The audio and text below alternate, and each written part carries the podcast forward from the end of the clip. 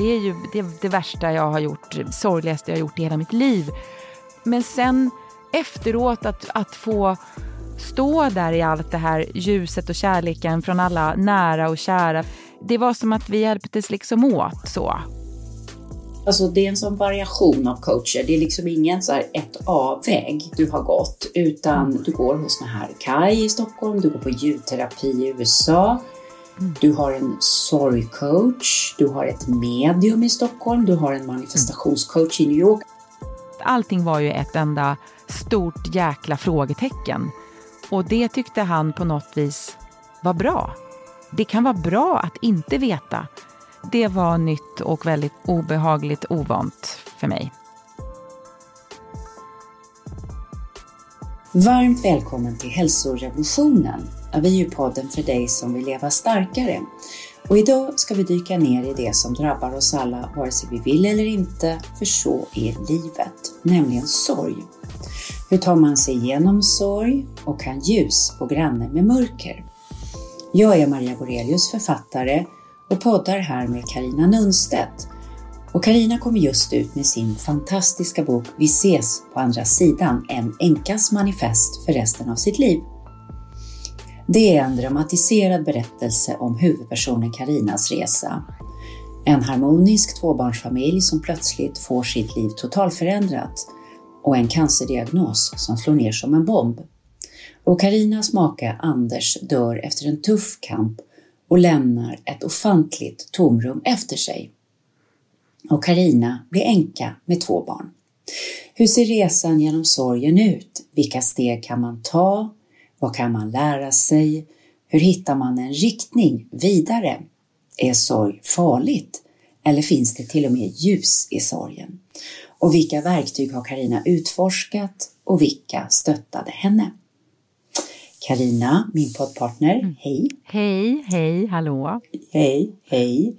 Du är precis på väg till Göteborg, till Bokmässan, eller hur?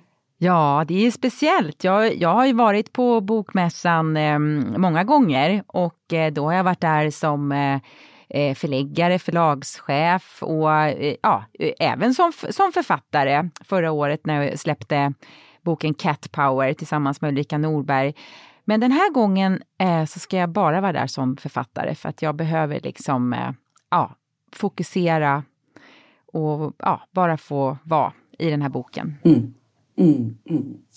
Du, hur mår du idag? Vad, vad är du liksom i ditt inre landskap här och nu? Mm. Väldigt eh, ödmjukt, eh, stark och glad just idag.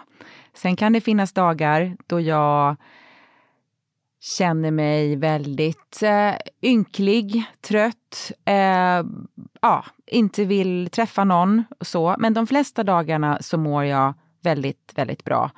Och det är ju mm. tack vare att jag har tagit hjälp på många sätt. Jag har eh, utforskat olika vägar genom sorgen och eh, ja, på, ett, på ett nyfiket sätt sträckt ut och öppnat olika dörrar för, för att se vad som kan eh, stärka mig på, på olika sätt. Mm.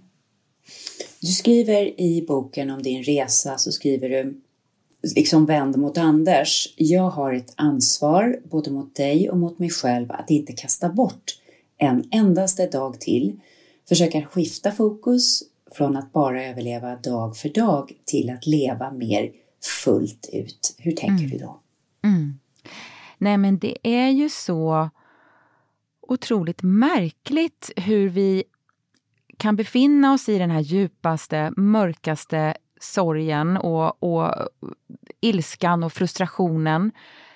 Och så samtidigt så eh, ser man ett, ett ljus, man, man liksom anar något ljus i mörkret, till en början ganska långt där, där borta. Och, och mm. varje dag påminns jag ju om allt jag har att vara tacksam för. Alltså jag är ju då mamma till två fantastiska, otroliga söner. Och det...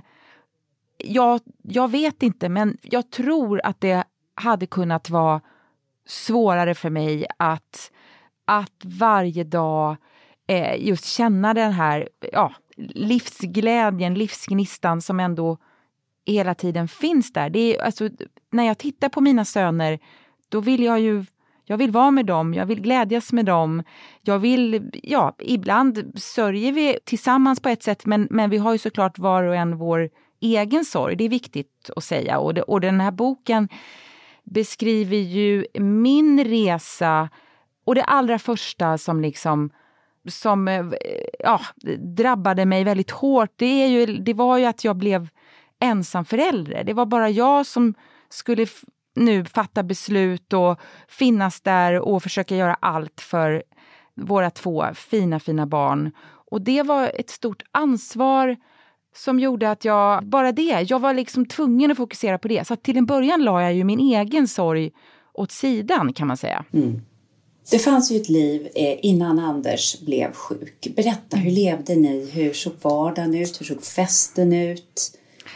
Ja, men nu märker jag hur jag, hur jag ler och, yeah. och känner mig varm och, och, och glad. Och mm.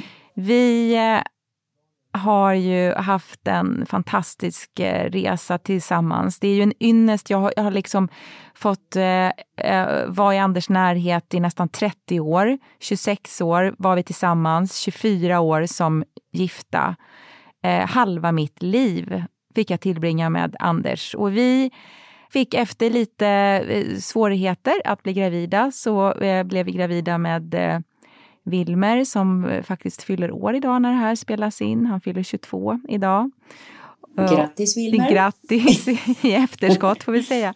Och sen så kom Oscar tre år senare. Så att vi var väldigt familjeorienterade tidigt och kände att vi ville skapa en familj till, tillsammans. Vi har också jobbat mycket, båda två.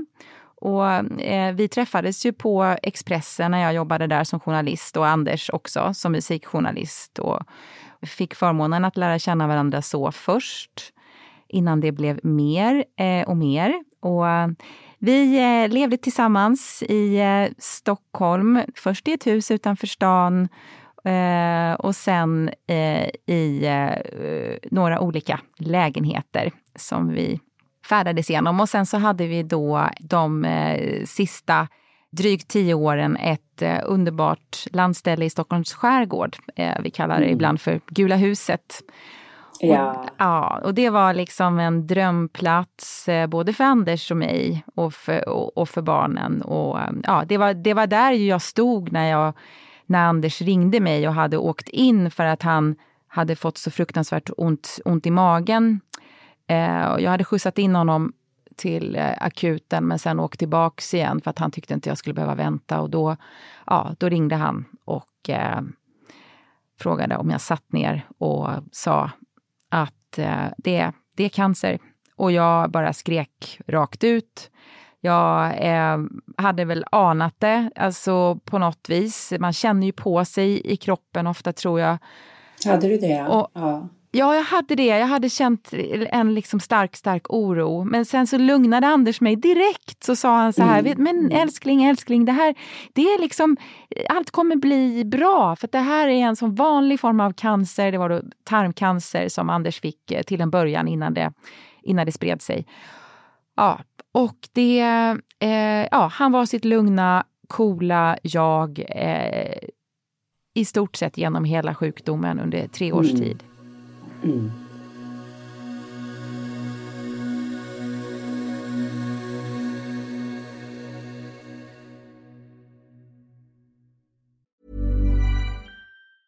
Have catch yourself eating the same flavorless dinner three days in a row?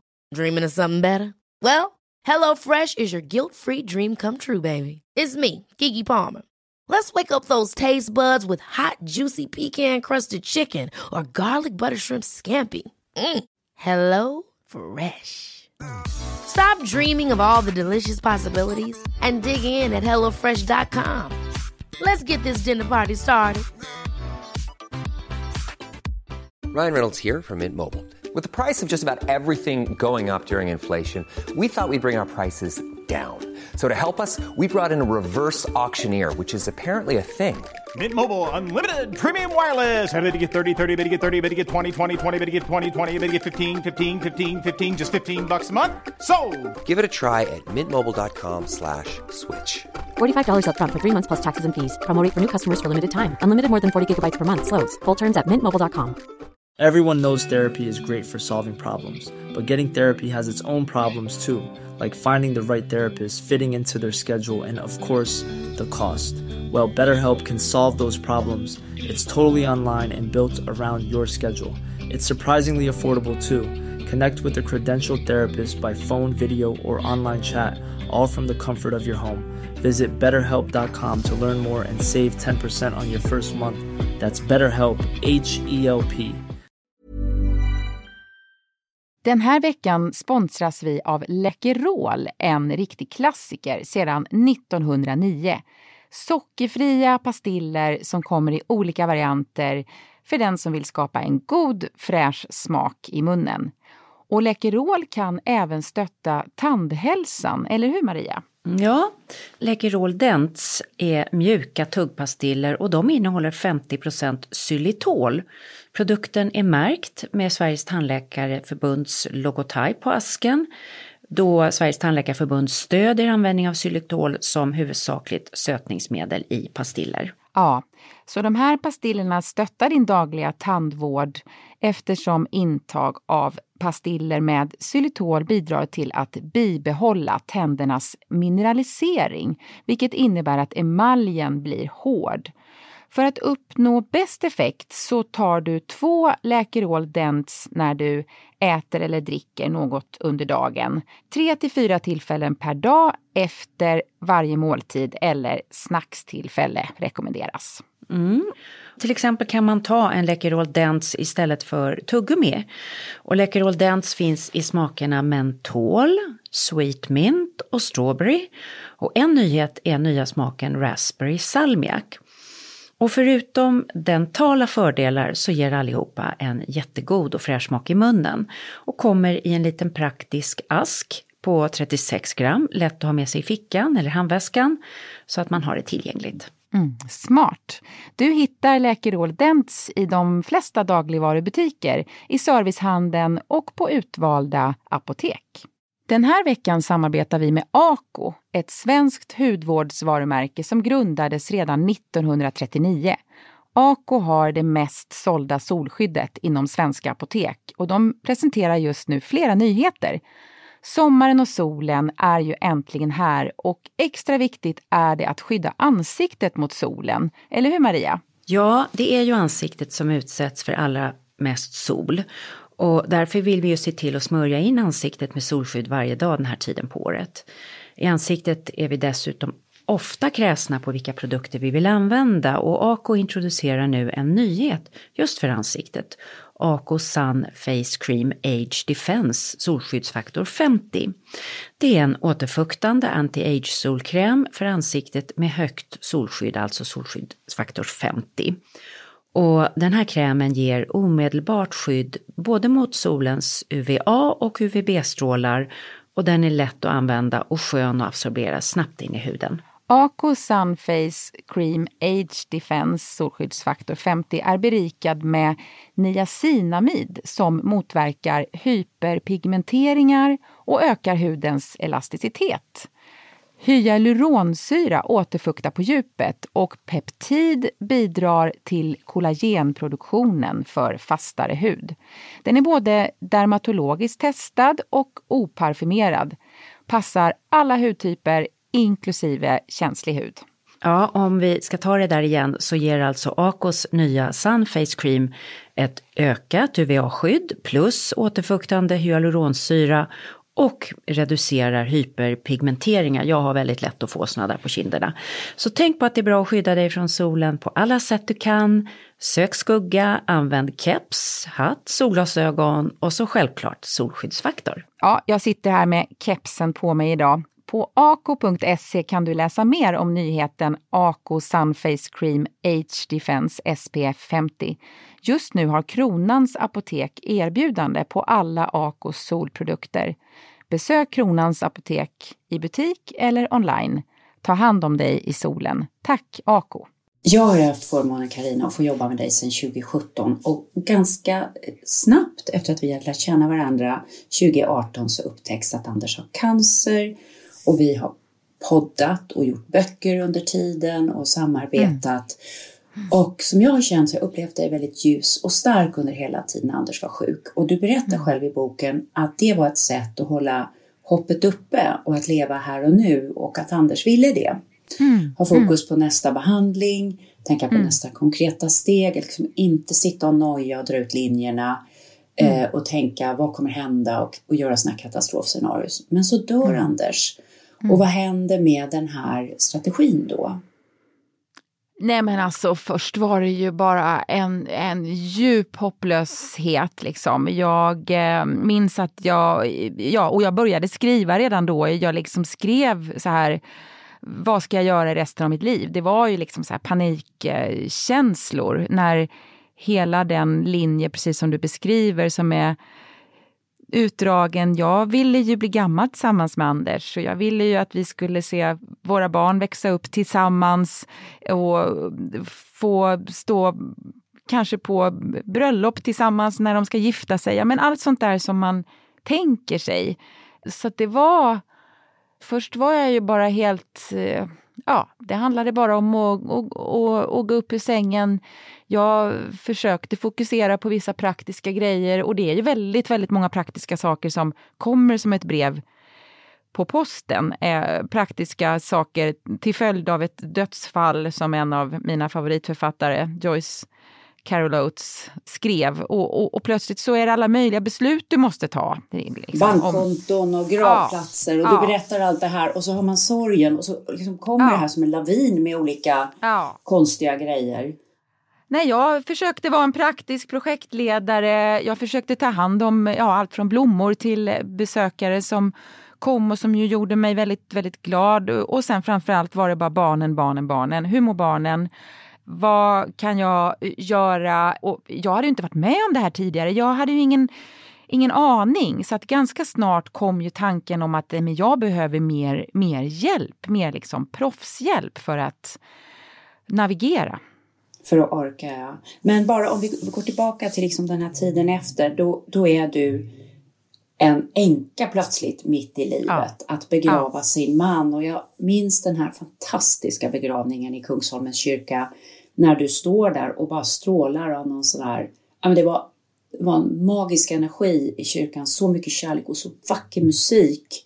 Mm. Och eh, dina fina söner, vad, vad, vad, kände du när du stod där mitt i allt det här? Jag kände mig oerhört skör och eh, oerhört eh, ödmjuk och kärleksfull. Man balanserar liksom på det. Det är som att ja, det var som att jag nästan svävade lite ovan, ovanför marken, som att kanske marken inte riktigt skulle bära Ja, det handlade om att bära mina, mina barn först och främst. Ja, ja. Mm. Alltså det är någonting som man tänker på, vet inte om du tänkte det då, men kring just begravning, som döden är väldigt samlande på något sätt. Alltså då mm. samlas de där där det här betyder något. Och det är någon väldig manifestation i det på något sätt. Ja. Håller du med om oerhört? Ja, oerhört mycket kärlek. Alltså att gå på en begravning är ju såklart sorgligt, sorgligt. Och att gå på, på den begravning, alltså som, ja, där min, då Anders, min, min man, begravdes. Det är ju det, det värsta jag har gjort, sorgligaste jag har gjort i hela mitt liv. Men sen efteråt att, att få stå där i allt det här ljuset och kärleken från alla nära och kära, från Anders vänner och kollegor och du var där och stöttade mig och min mamma och min syster och Anders bror och syster och alla, alla nära. Det var som att vi hjälptes liksom åt så. Och jag fick vara skör. Jag, jag kände aldrig att jag behövde förställa mig faktiskt. Och jag fylldes på med kärlek och ljus eh, mitt i allt. Och det, det är väldigt fint att det kan vara så. Och att det ligger så nära. Det var också så här som när Anders dog, som boken börjar ju med i princip dödsögonblicket, när, när Anders dör. Och min första tanke då, det var när våra barn föddes. Det var liksom mm. hur jag mm. omedvetet kopplade. Vad, har, har jag upplevt någonting Cirkeln. i närhet? Ja, har jag upplevt ja, men den här typen av stö, större liksom ja, man kan nästan kalla det förundranskänslor fastän det är ju sorg. Det, det, är alla känslor på en och samma gång. Och det jag kopplade till var när våra barn föddes. Så precis. Döden, födseln, alltså allt den, den här cirkeln, det är eh, otroligt spännande att titta på. Mm. Jag tänker i de här asiatiska religionerna, du vet, med gudar som står på en döende människa och en födande människa. Man ser det som livets cirkel liksom. Det är väldigt, mm. väldigt... Och så berättar du så vackert sen i, i boken liksom om det här hålet som Anders lämnar efter sig. Anders... Och jag, mm. jag tänker ett Anders-hål. Hur, hur blev ja. det Anders-hålet? Vad stod han för liksom i er, er kvartett? Han stod för så mycket. Han var till exempel den som var liksom den här trygga hemmakatten kan man mm, säga. Mm. Han jobbade jättemycket men han jobbade även ibland hemifrån och, och han var den som eh, lagade mest mat, som hade, hade liksom koll på det, på det praktiska hemma, som var steget före medan jag mer flängde runt på mina olika. Jobbuppdrag och vi var båda de som åkte på fotbollsmatcher med killarna och vi var ett väldigt bra team. Vi gjorde väldigt mycket tillsammans. Så att alltså det tomrummet, alltså från att gå från att vara ett vi till jag, eller alltså från tvåsamhet till mm. ensamhet var det ju jag kände väldigt, väldigt snart. Liksom. Och ett tomrum som jag det är så paradoxalt för att under de stressigaste mammaåren och så, då har man pratat om egen tid och att få en stund för sig själv och har, har letat efter någon slags liksom positiv eh, ensamhet, eh, ja, att få hämta andan så. Nu blev det ju en ensamhet som inte var självvald och tomrummet, det bara växte. Alltså Anders fanns ju hela lägenheten, finns fortfarande på, på många sätt. Vi, vi bor kvar i samma lägenhet och har valt att göra det för att det känns bra och vi, och vi, och vi trivs väldigt bra där. Och på eh, Ljusterö då i, i vårt sommarhus, där var tomrummet allra, allra värst. Det var liksom, där fick jag väldigt snart ganska svårt att vara, för jag jämförde bara med hur det hade varit hur eh, härligt vi hade haft det. Och jag kände snart att det kommer aldrig kunna bli så här. Så att jag är tvungen att göra någon slags förändring.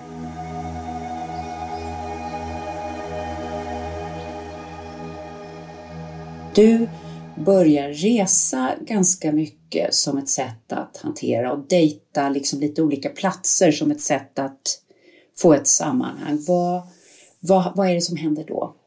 Ja, det var ju som ett sätt att fly också. Jag har alltid gillat att resa och känt så att när jag är i rörelse, då är någonting, då behöver jag liksom inte eh, ja, ta, hand om, ta hand om allt. Så att, eh, vi eh, åkte först till Grekland, jag och killarna, och där kan man säga att jag la in mig på ett, eh, på ett spa med en eh, yogalärare som jag yogade och mediterade med varje dag och fick ägna mig väldigt mycket åt eh, självkärlek. Hon tyckte att det var det jag, jag behövde.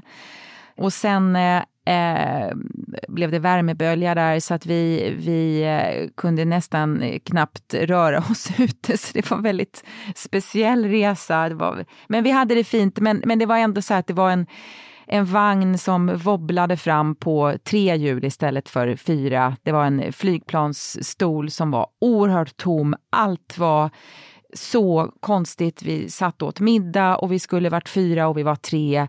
Så barnen och jag bitvis bara tittade ju på varandra hur, och kände ju liksom, men ska det vara så här? Ska det vara så här? Så att när jag kom hem sen så då eh, hörde jag av mig till en eh, terapeut, en coach som heter Kai, som jag har gått till tidigare när jag har haft eh, olika utmaningar i, i, i livet. Och han, han hjälpte mig just att titta på det här med eh, tomrummet, att, att våga omfamna sitt tomrum. Och det var till en början jätte, jättejobbigt. För att? För att han styrde in mig på att jag skulle komma till honom och prata om min egen sorg. Inte bara prata om hur barnen mådde och vad jag skulle göra för andra. Utan han fick liksom nästan säga till mig på skarpen att Karina, nu är du här för att du ska våga gå in i de här jobbigaste känslorna och våga liksom ta hand om din egen sorg.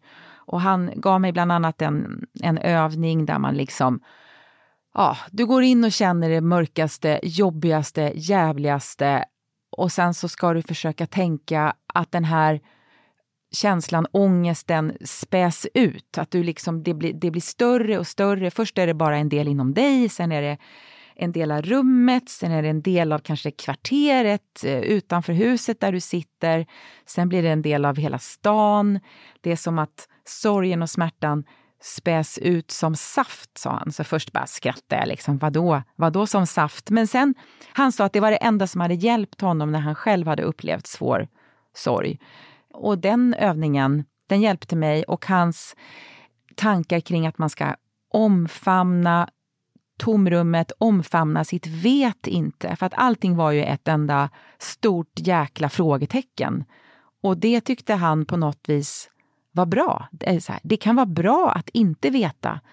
Men det var, det var nytt och väldigt eh, obehagligt ovant för mig. Du är ju också, som jag uppfattar det, så också bra att peka riktning och nu kör vi så här. Och, alltså, mm. det, det är mot din personlighet lite grann, är det inte det också? Ja, ja men lite, jag tror du också kanske är lite så att man liksom försöker lösa problem och hitta nya vägar. Okej, okay, om det inte gick den här vägen, nej, men då är vi lite kreativa då här och ser, här. ja, mm. kan vi åka upp för mm. berget där och ner på andra sidan eller vad? Mm. mm. Eh, men eh, den här typen av akuta livskriser som då sorg att förlora en, en partner är en typ av livskris. Det går ju inte att bara liksom prata bort. Eller, utan du måste, tror jag, gå in i det mörkaste för att känna att du faktiskt kan stå i det också. Du eh, behöver inte ramla omkull och aldrig mer kunna resa dig igen. Men det var ju en av mina rädslor när jag kom till, till Kai. Jag, jag vågade inte liksom bara släppa och gråta. För jag, jag kände, men alltså vad händer då? Kommer jag kunna vara mamma då? Kommer jag kunna resa mig upp? Jag, jag var livrädd för att liksom gråta mer än kanske 30 sekunder i taget. Så att jag liksom mm, mm. så här, grät hysteriskt och kippade efter andan och sen så skärpte jag mig på alla sätt och bara och så parkerade jag gråten och så tog jag det så här stötvis. Men han, han hjälpte mig att våga, våga släppa och det har jag sen då tagit hjälp från massa olika fantastiska människor och coacher som har hjälpt mig mm. att liksom förlösa sorgen.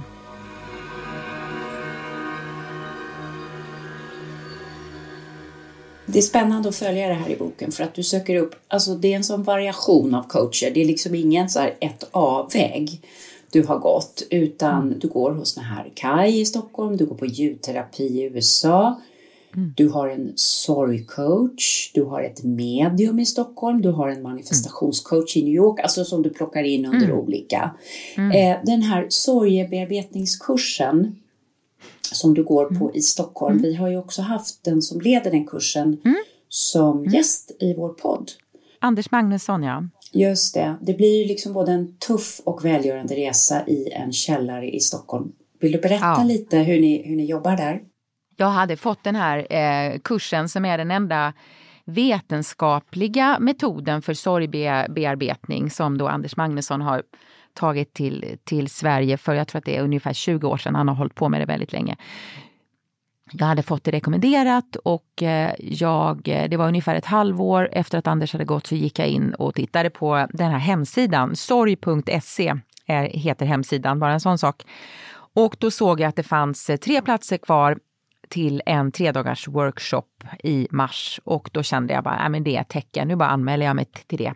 Tre dagar. Och sen längtade jag nästan efter att komma dit. Jag, jag hade valt att eh, ja, jobba på rätt mycket för jag kände att hela mitt jobbliv kunde inte rasa också. Men, men efter ett tag så hade jag börjat känna att jag måste ge sorgen plats. Det var något som bara liksom växte inom mig. Jag måste få ge det här mer dedikerat utrymme. Så när jag kom till den här ja, ganska mörka källaren på Tegnérgatan i eh, Stockholm så var det nästan som att jag var, ja men jaha tänkte jag, men nu ska vi gå på en liten kurs tänkte jag. Så det var nästan som att jag var, ja men jag var förväntansfull i alla fall. Anteckningsblocket klart ja, och liksom. Ja, att, ja, redo, någorlunda lätt i stegen men lite nervös också. Och så kommer jag in och vi sätter oss i en cirkel medan Anders håller en slags introduktions föreläsning, Anders Magnusson då. Och det är 17 eh, deltagare totalt i rummet. Vi får vara där allihop ganska anonymt, men han presenterar oss kort och eh, säger om mig då, Karina make död i cancer. Och sen så skrev han upp det på ett blädderblock, så vi skulle ha alla så här väldigt kort.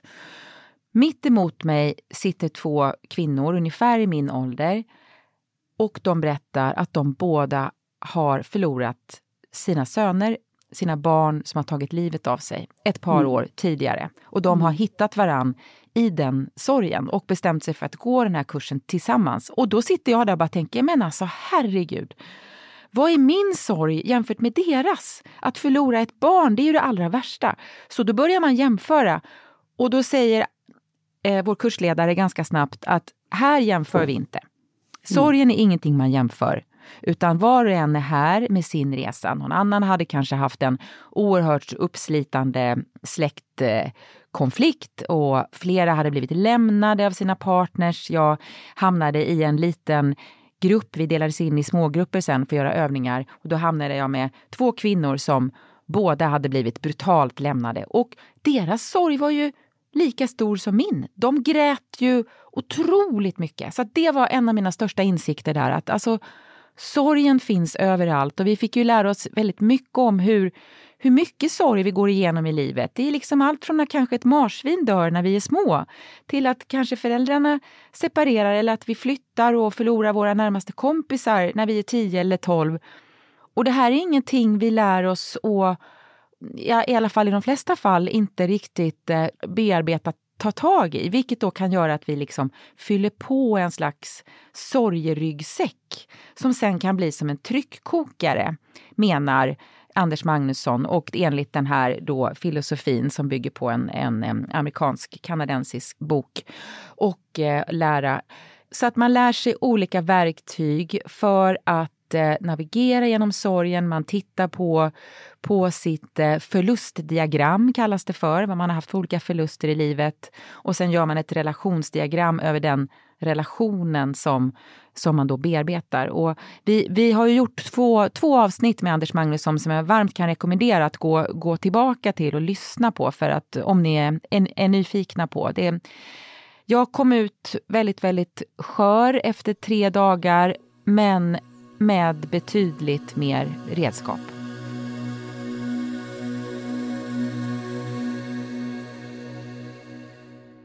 Och så gör du något helt annorlunda som kanske inte är lika vetenskapligt bevisat men den här, det är liksom helt fascinerande skrivet i boken. Du träffar ett medium eh, som förmedlar en kontakt till andra sidan. Jag läste som, jag satt på nålar när jag läste det här. Berätta, vad hände? Mm.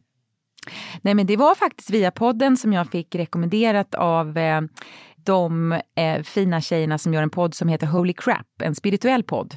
Och eh, jag frågade dem när de gästade oss om de eh, kunde rekommendera mig. Och, för att jag hade haft en medial upplevelse i USA med en bekant som jag eh, möter där ganska eh, tidigt efter att Anders har, har dött. Och det hade haft sån stark påverkan på mig så att jag var liksom nyfiken på, alltså allt jag har utforskat har varit att jag liksom har drivits av någon slags tror jag, journalistisk nyfikenhet och mm. samtidigt en vilsenhet såklart. Bara ge mig all hjälp jag kan få eller som finns att tillgå. Men jag vill inte ha, det, det, det ska jag säga, jag, jag vill inte ha lugnande tabletter eller sömnmedel. Det, var jag, det har jag alltid liksom eh, värjt mig emot in i det sista. Så det var, det, var inte, det var jag inte nyfiken på, även om jag fick, det får man ofta i alla fall, presenterat för sig som en möjlighet i den mest akuta fasen. Eh, nej men, så då, Vi kanske eh, bara ska säga också att för vissa så är de där medlen räddningen. Ja, ja så att precis. Det, eller hur? Så att vi Verk, liksom inte... Verkligen. Men, men ja. att, att få sova en natt om man inte har sovit. Precis. Jag, jag sov någorlunda okej okay ändå mitt i allt, så det var ju en, en liksom förmån på det sättet. Det, det är inte mm. alla som har det. Ja, nej men så då kom jag i kontakt med Frida som är medium och, och som man träffar via Zoom. Och jag träffade henne vid tre tillfällen. Alltså Zoom-medium, ja. det är helt Ja. otroligt. Ja. Zoom-medium. Ja. Eh, och jag frågade henne om jag fick spela in våra samtal. Eh, och jag var transparent med det, att det kanske blir så att jag kommer dela det här i den här boken jag skriver. Och är det okej? Och hon bara absolut. Så jag spelar in det, men också för mig själv för att kunna gå tillbaka till det. Mm. För att det var, jag kände direkt bara, alltså wow. Ja, nej men. Hon hittar hade- honom direkt. Liksom. Det är inte så att hon behöver leta igenom bara, bara, bland gammal död mormor och morfar. Utan hon bara plockar ju ner honom direkt, eller hur? Ja, men hon menar ju att Anders har så fort eh, efter att jag har bokat den här tiden med henne, då har han suttit där bredvid henne och liksom nästan hoppat och väntat på det här samtalet. Så han har liksom längtat efter att prata med mig. Och, Ja. och alltså jag, jag säger till alla lyssnare nu att alltså, det här var ju en högst personlig upplevelse för mig. För mig är det inte viktigt att liksom bevisa i det här fallet vad är sant och så, för det här handlar ju om, om tro. Det handlar ju om vad man upplever och som känns, känns sant, starkt, kärleksfullt och vackert just då. Jag fick den frågan när jag var in- intervjuad i Dagens Nyheter. Liksom. Men jag tror att det, det, är ju, det är ju viktigt att vi har på oss de vetenskapliga glasögonen ofta i livet. Eh, Det hade jag till exempel när jag gick den här kursen i sorgbearbetning. Då var det det som attraherade mig. Eh, men när det handlar om, om tro och det spirituella då kanske man inte lika snabbt ska bara, eh, vad ska vi säga, slå fast vad som är rätt och vad som är fel. Därför att det handlar ju om vad som kan hjälpa dig och en del går till kyrkan och jag har varit där också en del. Och jag tycker jättemycket om att gå till kyrkogården som ligger alldeles nära där vi bor. Det betyder jättemycket för mig. Men Frida var som en slags själslig coach. Fantastiskt eh, tydlig och trygg. Och eh, ja, varsamt lotsade mig till eh, de här tre mötena. Som blev, det blev jättevackert och otroligt betydelsefullt och starkt. Och hjälpte mig att förlösa otroligt mycket gråt. Så bara det gjorde liksom att det var, kändes eh, bra och värt det. Mm, mm. Det som Anders kom med till dig där, om du tittar på det idag, känner du att det här är saker som hör hemma hos honom? Förstår vad jag menar? Känner du att det hade kun, eh, var hans autentiska röst? För man kan ju känna igen hur en människa tänker och resonerar och, och är. Kände du att det var Ja. Anders? Ja, absolut. Nej, alltså bara redan när hon beskrev honom och vad hon såg för gestalt. Hon såg både en, den liksom sjuka versionen, väldigt tärda versionen och hon såg den här kraftfulla, långa mannen som jag valt att leva mitt liv med. Bara det, ja, eh, det blev så... Och, och sen när han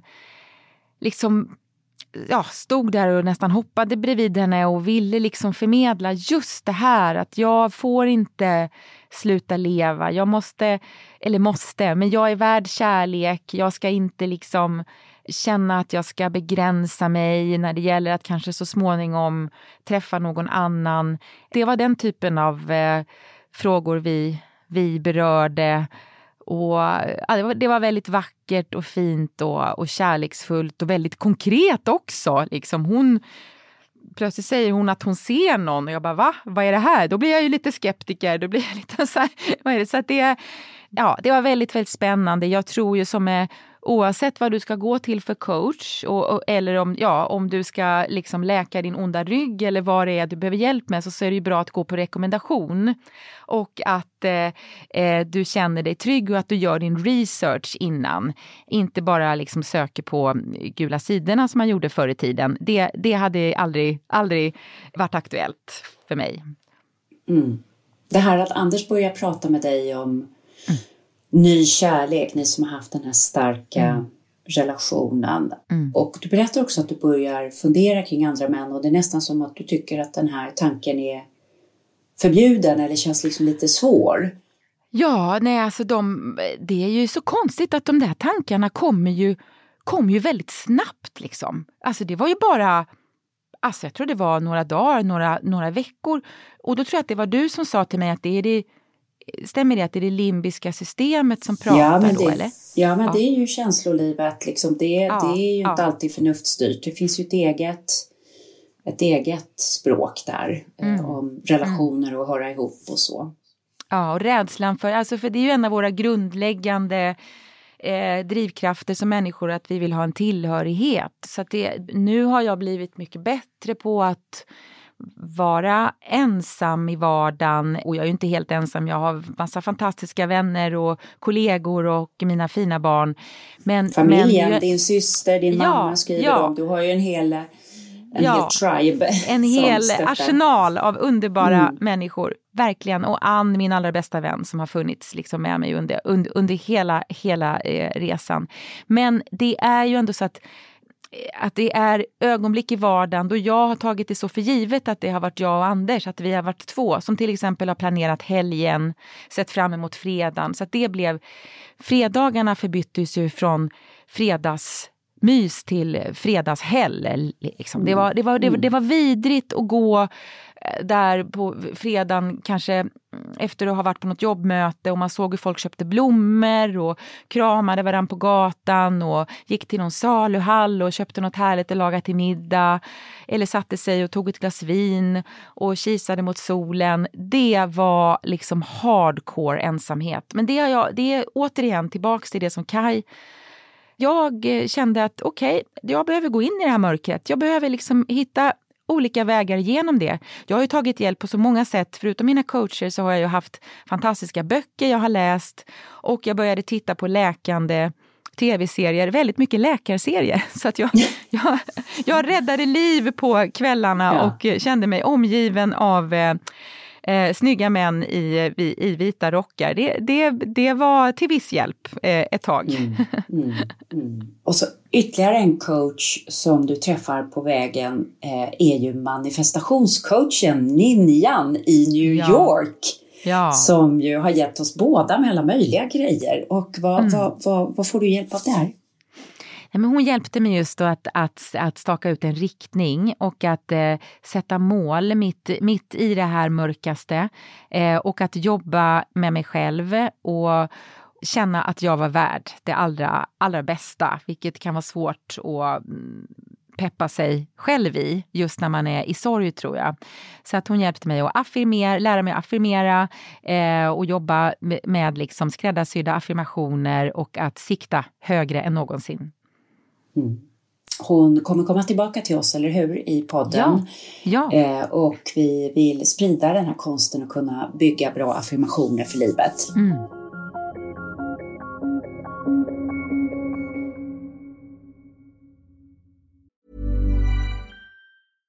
Have catch yourself eating the same flavorless dinner three days in a row? Dreaming of something better? Well, hello fresh is your guilt free dream come true baby. It's me, Gigi Palmer. Let's wake up those taste buds with hot, juicy pecan crusted chicken or garlic butter shrimp scampi. Mm. Hello Fresh. Stop dreaming of all the delicious possibilities and dig in at HelloFresh.com. Let's get this dinner party started.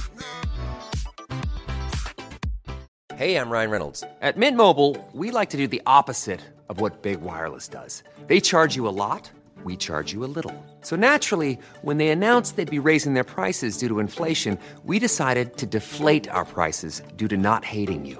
That's right. We're cutting the price of Mint Unlimited from $30 a month to just $15 a month. Give it a try at mintmobile.com slash switch. $45 up front for three months plus taxes and fees. Promo for new customers for limited time. Unlimited more than 40 gigabytes per month. Slows. Full terms at mintmobile.com. Ready to start talking to your kids about financial literacy? Meet Greenlight the debit card and money app that teaches kids and teens how to earn, save, spend wisely, and invest with your guardrails in place. Parents can send instant money transfers, automate allowance, and more. Plus, keep an eye on spending with real time notifications. Join more than 6 million parents and kids building healthy financial habits together on Greenlight.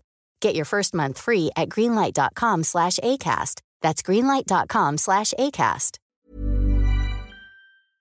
Och så händer ju en väldigt stor praktisk förändring i ditt liv. Du går från Ljusterö som ju efter Anders har blivit den här tunga energin för dig som byts ut mot något väldigt lätt och ljust i solen. Berätta, mm. hur ser den resan ut?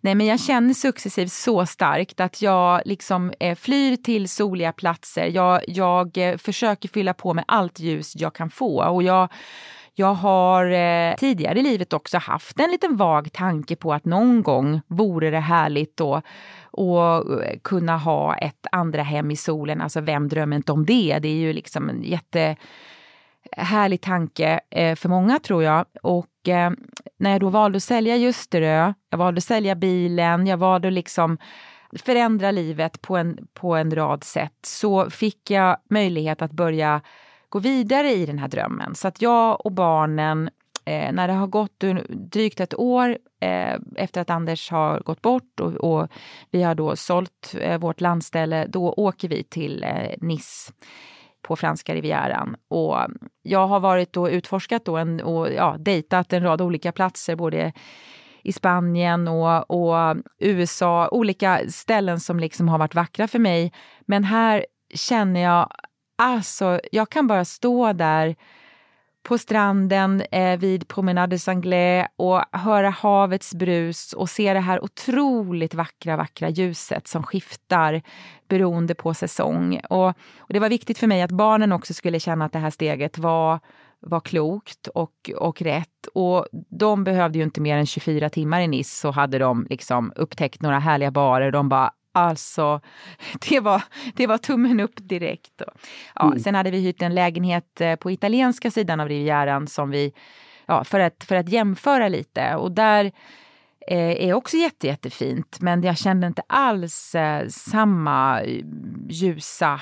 Mm. närvaro där. Eh, jag blev väldigt, väldigt låg. Barnen var, var tvungna att åka hem till sina respektive jobb och det var också där jag satte igång att skriva den här boken på allvar. Då jag, då jag kände att nu måste jag göra, göra någonting av det här, eller i alla fall titta på det. Och då hade jag skrivit i den här gula anteckningsappen i ett års tid och ja, började titta på det och eh, kände att det skulle kunna vara en, eh, en berättelse som förhoppningsvis kan ge hopp för, för många. Det, det är en slags själslig roadtrip, den här boken kan man säga. Och du, slutligen så är det, kommer ju ett litet underbart djur till dig. Du träffar någon som vill att du ska skaffa dig liksom ett litet, så här, men indianerna hade nog kallat det totemdjur. Ett litet ja. djur som man kan identifiera sig med och det är, berätta vilket djur det är. Ja, men det, jag, jag går till en, eh, en shaman, en av alla då coacher och får en slags shamanmassage och hon säger till mig dels att jag ska honor mother earth, alltså grunda mig mer, försöka liksom mm. hitta min nya eh, grundning. Eh, väldigt intressant eftersom den ju har på många sätt raserats. Och sen så säger hon också samtidigt så ska du titta upp i skyn och eh, se ditt spirit animal och det är kolibrin. Och då ja, jag blev jättenyfiken och började liksom läsa på om kolibrin som ju står för just det här att våga sjunga ut, att våga bejaka eh, glädjen, kärleken i livet och, och ja, kvittra, sjunga, eh, flyga eh, fram med någon slags lätthet så småningom. Jag är inte riktigt, riktigt där ännu, men jag känner att jag är är på god väg. Och det är ju tack vare ja, så mycket hjälp Underbart. som jag har fått på många sätt. Underbart, underbar bild. Karina, eh, du är på väg till Bokmässan nu. Vad tror ja. du att du kommer få möta där eh, i samtal med människor? jag kommer få möta ett, ett brus av fantastiska författare som det ju är på Bokmässan. Men jag hoppas att jag ska få möta eh, läsare och att jag ska få berätta om min bok och om min resa. Och att den här boken ska landa väldigt eh, fint hos andra. Eh, jag har fått ett sånt otroligt gensvar på Instagram. Det var ju också så det började med att jag skrev den 16 varje månad för att eh, liksom dela olika typer av vardagssituationer som hade blivit eh, väldigt annorlunda eh, efter att Anders dog. Och det, och det är många som har känt igen sig i det, som kanske har speglat sin egen största skräck att, att förlora eh, sin eh, närmaste, ja, eller som själva har varit med om någonting liknande och som har funnit tröst i det här. Och det är ju jätte, jättefint att, eh, att få känna. Mm. Jag tänkte sluta här med eh, att läsa eh, Harry Martinsson som jag älskar. Han skriver 1960 i vagnen om sorg. Så skriver han så här, jag vet inte om du har hört den Karina, men det låter så här. Varje djup sorg har förlorat glädje till föremål. Tappa inte bort den riktningen. Låt inte sorgen glömma sitt ärende. Sorgen är den djupaste ära som glädjen kan få. Det är vackert, eller hur? Alltså så himla fint. Åh, så mm. fint. Ja, jag tänker att den här boken, Vi ses på andra sidan, är en bok om att genomleva och ta sig igenom sorg, men som aldrig glömmer sitt ärende att faktiskt hylla det liv ni som par, Karina och Anders, byggde ihop med barnen eh, och livet självt. Och att sprida hopp om människans förmåga att börja om när livet kraschar på nya sätt. Du har lyssnat till Hälsorevolutionen. Tack och var rädd om dig och till slut så vill jag spela något för dig Karina som avslut. En liten duett till din inre kolibri.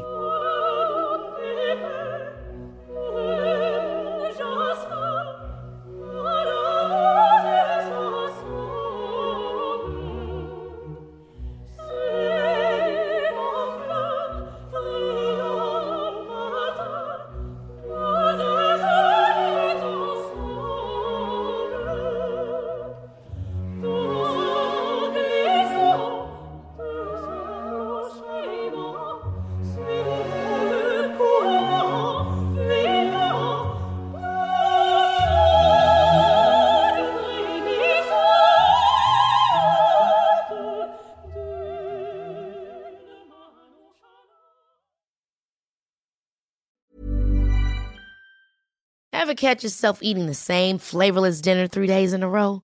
Dreaming of something better? Well, HelloFresh is your guilt-free dream come true, baby. It's me, Gigi Palmer. Let's wake up those taste buds with hot, juicy pecan-crusted chicken or garlic butter shrimp scampi. Mm. Hello Fresh. Stop dreaming of all the delicious possibilities and dig in at HelloFresh.com. Let's get this dinner party started.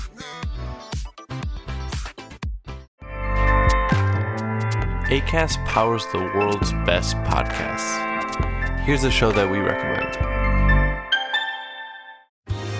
Are you a reality TV junkie? Do you ever think, dang, I wish I had someone to talk to about all the trash TV that I watch? Well, look no further, garbage lover, because Reality Gaze is a podcast for you. Hello, I'm Maddie. And I'm Poodle, and we're the Reality Gaze. We talk about all your favorite unscripted shows like The Golden Bachelor, Love is Blind, and TLC's big, messy behemoth, 90 Day Fiancé. And if you're driving to work, folding laundry, or just pretending to listen to your husband talk about sports, just put on the pod, and you've instantly got two gay besties spilling all the tea and reading these people for filth. So come at us, y'all. Find Reality Gaze wherever you listen to podcasts.